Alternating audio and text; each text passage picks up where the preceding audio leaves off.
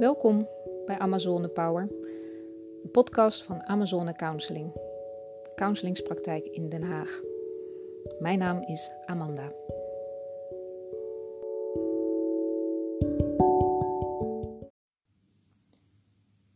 Een dikke huid kweken.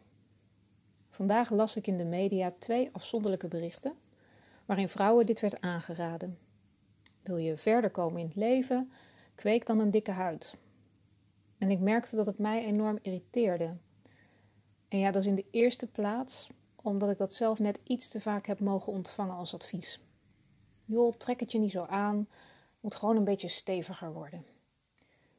En dat ik daar dan na een tijdje achter kwam, als ik dat dan probeerde, dat het bij mij niet werkte. Dat het eigenlijk alleen maar tot meer frustraties en meer teleurstellingen werkte. toch weer geraakt, toch weer een te dunne huid. Gedoemd te mislukken. En nu, jaren later, als ik dan zoiets lees, irriteert het me ook vanuit mijn werk als counselor. De cliënten die ik zie, die hetzelfde advies hebben gekregen en bij wie het ook niet werkte, en die zich hierdoor mislukt voelen. En daarom wil ik een alternatief aanbieden voor wie die te veel geprezen dikke huid niet werkt. Ik geloof namelijk niet dat een dikke huid de enige en zeker niet per definitie de beste reactie is. Juist niet in de huidige maatschappij, waarin assertiviteit op een voetstuk lijkt gezet en waarin kwetsbaarheid te vaak als lastig of als zwak wordt ervaren. Een dikke huid kweken, dat is natuurlijk een metafoor en een treffende. De huid is immers het grootste zintuig dat we hebben. En zoals ik tijdens een training laatst over coaching en haptonomie me voor het eerst realiseerde, het is het enige zintuig dat niet alleen in ons hoofd zit. Ruiken, proeven, zien, horen, zit allemaal in ons hoofd. De tastzin van onze huid, die zit van top tot teen in ons lichaam. Met ieder stukje van je lichaam kun je voelen. En terwijl ik dit schrijf, voel ik een zachte kat op mijn benen, een stevige rugleuning in mijn rug, een harde stoelpoten onder mijn voetzolen. Allemaal gevoelens die gelijktijdig door één en dezelfde tastzin worden opgemerkt. Stel je nou eens voor dat je een dikke huid kweekt, al is het dan metaforisch. Ik vind de grootste misvatting dat je dan net zo gemakkelijk door het leven zou stappen als personen van wie van nature heel veel afglijdt. En juist dat laatste, van nature, dat maakt een cruciaal verschil. Want dan hoef je dus geen moeite te doen om niet snel geraakt te zijn. Je bent werkelijk niet geraakt. Is je huid dan dik? Nou, wat mij betreft alleen in vergelijking. Voor die persoon, die heeft gewoon de huid die hem past. Ze hebben die niet dikker hoeven te maken of dunner, ze voelen zich ermee op hun gemak. En toevallig komt hun mate van voelen en geraakt worden overeen met de wensen van onze maatschappij. in een andere maatschappij valt het misschien juist uit de toon. Ik denk bijvoorbeeld aan de Vlamingen, die niet altijd heel erg gecharmeerd zijn van de botte Hollanders. een vriendin van mij die voor de liefde naar België is verhuisd, heeft heel erg moeten wennen aan de andere manier van bijvoorbeeld feedback geven op de werkvloer. Die dunne huid van sommigen van ons, is dus niet zozeer een probleem van de persoon zelf, maar eerder een clash met de maatschappelijke omgeving. En daarnaast vind ik in die metafoor van het kweken van die dikke huid het probleem dat je heel snel iets gaat onderdrukken. Je bent eigenlijk aangemoedigd om minder gevoelig te zijn. En daardoor is de neiging om snel te gaan doen alsof. Doen alsof iets je niet raakt. En zelfs als het je dan lukt op het moment zelf om niet te worden geraakt, hè, en alsof het dan voelt alsof je inderdaad die nare gesprekken van je af laat glijden, toch gaat het dan vaak ergens wringen. Dan krijg je bijvoorbeeld uh, ineens onverklaarbare hoofdpijn of rugklachten. Of je valt op een onverwacht moment tegen iemand uit, krijgt moeite met in slaap vallen of gaat piekeren. En waarom? Omdat je natuurlijke dunne huid nog altijd onder die kunstmatige dikke huid zit. Omdat je eigenlijk een stukje van jezelf niet meer mag laten zien. Want dat stukje, dat is voor de ander dan kennelijk lastig. Ze vinden je te gevoelig, te kwetsbaar Zo'n collega die te snel in huilen uitbarst of zich gekwetst voelt. Of zo'n partner die nog lang nadenkt over een opmerking en er dan later op terugkomt.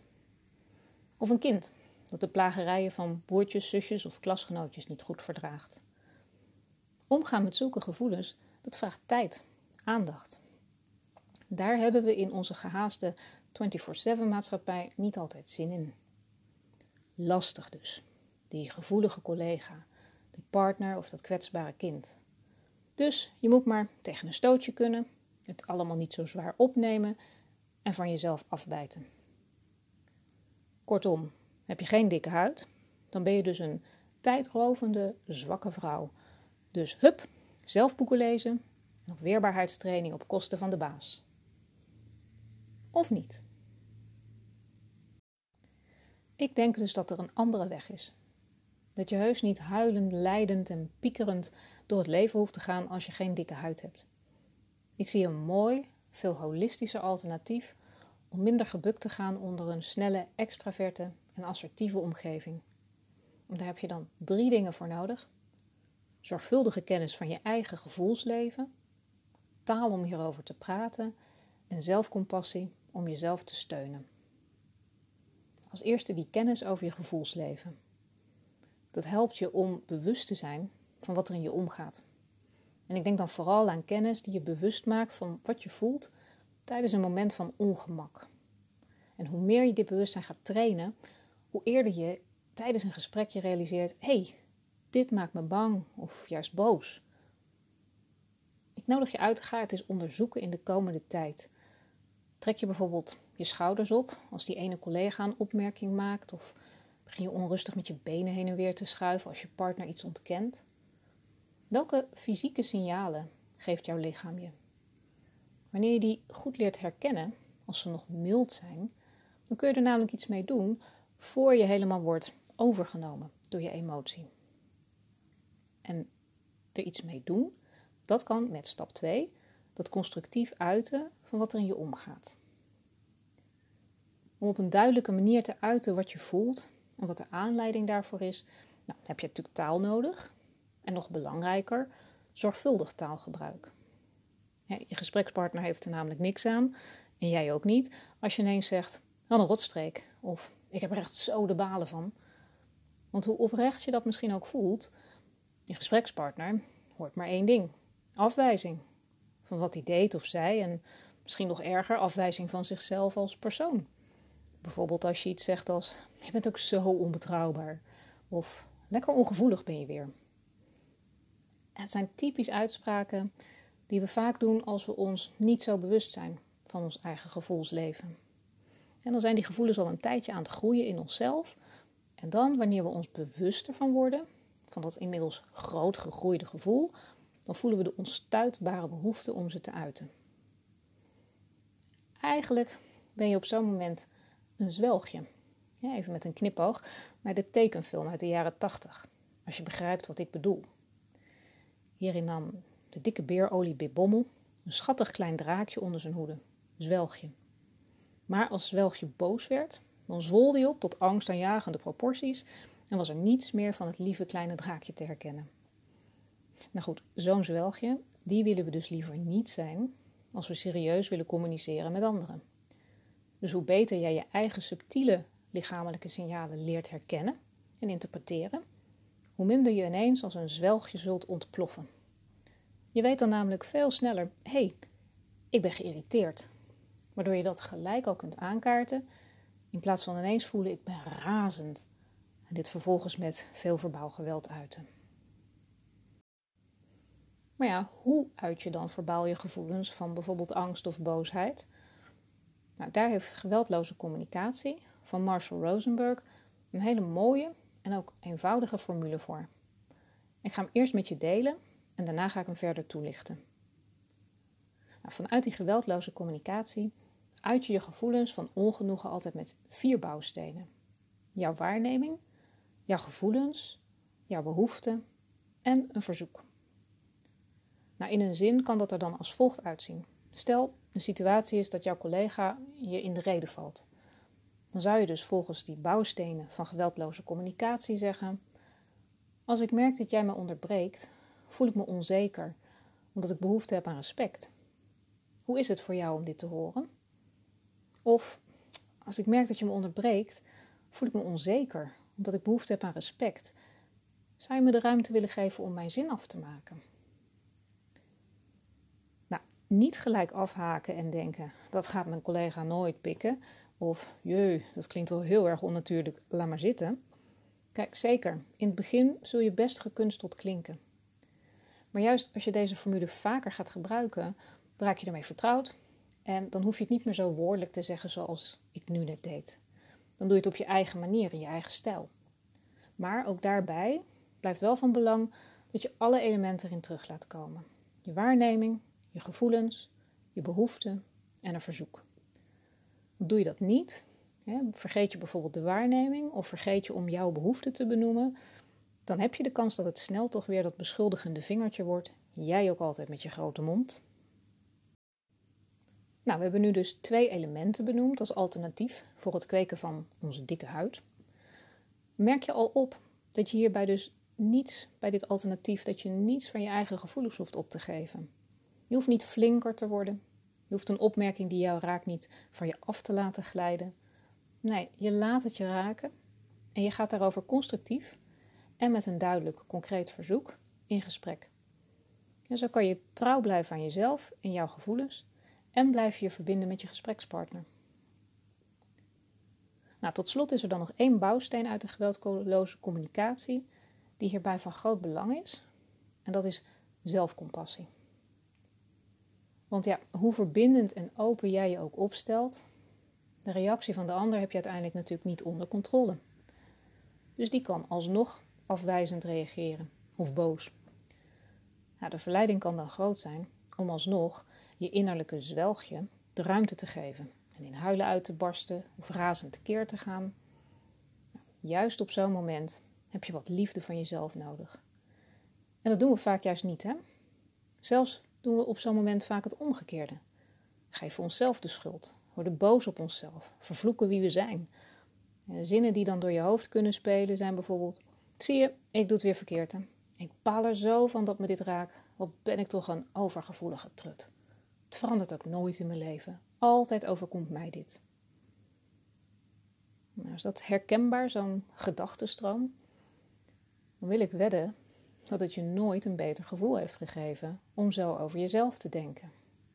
En niet alleen wijst je gesprekspartner je af, je doet het in feite zelf nog eens dunnetjes over. Maar wat doe je dan anders als je met zelfcompassie op jezelf reageert? Dan geef je jezelf empathie. Ja? In gewone mensentaal, je bent lief voor jezelf. Nou, hoe dat eruit kan zien, laten we dan eens kijken naar dat voorbeeld waarin ik net zei van, nou, waarom raakt me dit nou? Wat ben ik toch een overgevoelige trut? Eerst de mooie vraag die je hierbij aan jezelf kunt stellen is, zou je dit nou ook tegen een vriendin zeggen? Nou, ik mag hopen van niet. En dan is dat eigenlijk de eerste alarmbel dat je niet met empathie naar jezelf kijkt. Nou, een volgende vraag die je dan jezelf kan stellen is: oké, ik noem mezelf overgevoelig. Welke behoefte ligt daar dan onder? Nou, dan kom je misschien op een antwoord als: Nou, ik heb behoefte aan veiligheid, van gezien worden, van respect. Goed, nou, dat heeft je gesprekspartner je niet gegeven. Je voelde je niet veilig, gezien of gerespecteerd. Kun je nu met zelfcompassie dat aan jezelf geven? Mag je bij jezelf je veilig voelen, gezien en gerespecteerd. En wat heb je daar dan voor nodig? Nou, dat klinkt misschien een beetje abstract of ingewikkeld, maar je kunt het heel concreet in een actie omzetten. Misschien heb je om je veilig te voelen het nodig om je even terug te trekken. Op het toilet of door buiten in je eentje een wandeling te maken. En misschien kun je je behoefte bevestigend benoemen om jezelf gezien te voelen. Door bijvoorbeeld innerlijk een zin te zeggen als een behoefte dat hij mij laat uitpraten is oké. Ik mag de behoefte hebben om uit te willen praten zonder in de reden te worden gevallen. Zo geef je jezelf erkenning voor die behoefte. Zelfcompassie is er zijn voor jezelf, juist wanneer een ander het niet kan of niet wil. En vaak zul je zien dat als je dat doet, dat dan bijvoorbeeld je boze gevoel stopt en dat er verdriet loskomt. En uiteindelijk daarna dat je het incident veel makkelijker kunt loslaten. Samenvattend is dus een alternatief voor die dikke huid. Herkenning van de eerste signalen in je lichaam dat je je boos of bang voelt. Het herkennen van fysieke signalen. Taal gebruiken om wat er in je omgaat verbindend te uiten met een verzoek aan je gesprekspartner. En tot slot zelfcompassie tonen, vooral wanneer je gesprekspartner dit niet kan of niet wil. Dan zie je dat je bij dit alternatief voor die dikke huid kweken nog steeds alles mag voelen wat je eerst ook voelde. Dat je niet minder gevoelig hoeft te worden om goed te functioneren in een extraverte directe omgeving. Het vergt in het begin de nodige oefening, hè, dus geef jezelf de tijd. Raak niet afgeschrikt door foutjes of door negatieve reacties van anderen. En ook hierin helpt trouwens zelfcompassie. En ik wil je graag tot slot nog drie tips meegeven om op een prettige manier te oefenen. Ten eerste, neem een vast tijdstip in de week waarin je een half uur in je eentje gaat oefenen. Je kunt dan de gebeurtenissen van de afgelopen week eens doornemen en die ontleden. Kun je nog voelen hoe je je fysiek voelde op dat moment, als je dat probeert weer te visualiseren? En hoe had je in die situatie, als het niet is gelukt, via de formule van geweldloze communicatie kunnen uiten? En wat zou je jezelf alsnog aan zelfcompassie willen meegeven? Zo leer je jezelf om door de andere bril te gaan kijken naar dit soort situaties. En vraag eventuele huisgenoten ook om je op dit tijdstip niet te storen en zet je mobiel even op stil. Tweede tip. Zoek een oefenmaatje. Misschien is er iemand in jouw omgeving, op het werk of privé, die het leuk vindt om dit samen te onderzoeken. Je kan dan de podcast laten luisteren. Je kan online nog informatie opzoeken over geweldloze communicatie. En dan kun je samen aan de slag. En de laatste tip. Neem ook enkele van jouw gesprekspartners uit het dagelijks leven in vertrouwen. En zeg dat je met een nieuwe manier van communiceren aan het oefenen bent. Je collega, partner, goede vriend of vriendin. En zo kweek je voor jezelf een veilige oefenomgeving waarin je je vrij voelt om te experimenteren. Nou, tot zover de drie tips. Ja, gevoeligheid, hooggevoeligheid, introversie. Het zijn aspecten van menselijkheid die van waarde zijn binnen onze maatschappij. Dus blijf trouw aan jezelf en experimenteer op welke wijze jij in moeilijke situaties wel je gevoeligheid kunt behouden zonder hier aan onderdoor te gaan. En ik heb er vertrouwen in dat deze handvatten die ik hier heb aangereikt je daarbij gaan helpen. Wil je nou meer lezen over geweldloze communicatie? Kijk dan eens op mijn site. Uh, op de pagina Meer lezen over. En onder het kopje geweldloze communicatie heb ik wat linkjes over boeken en een filmpje ook van de oprichter Marshall Rosenberg. Nou, tot zover deze aflevering van de podcast Amazone Power van Counselingspraktijk Amazone Counseling. Mijn naam is Amanda. Heel veel succes met oefenen en graag tot een volgende keer.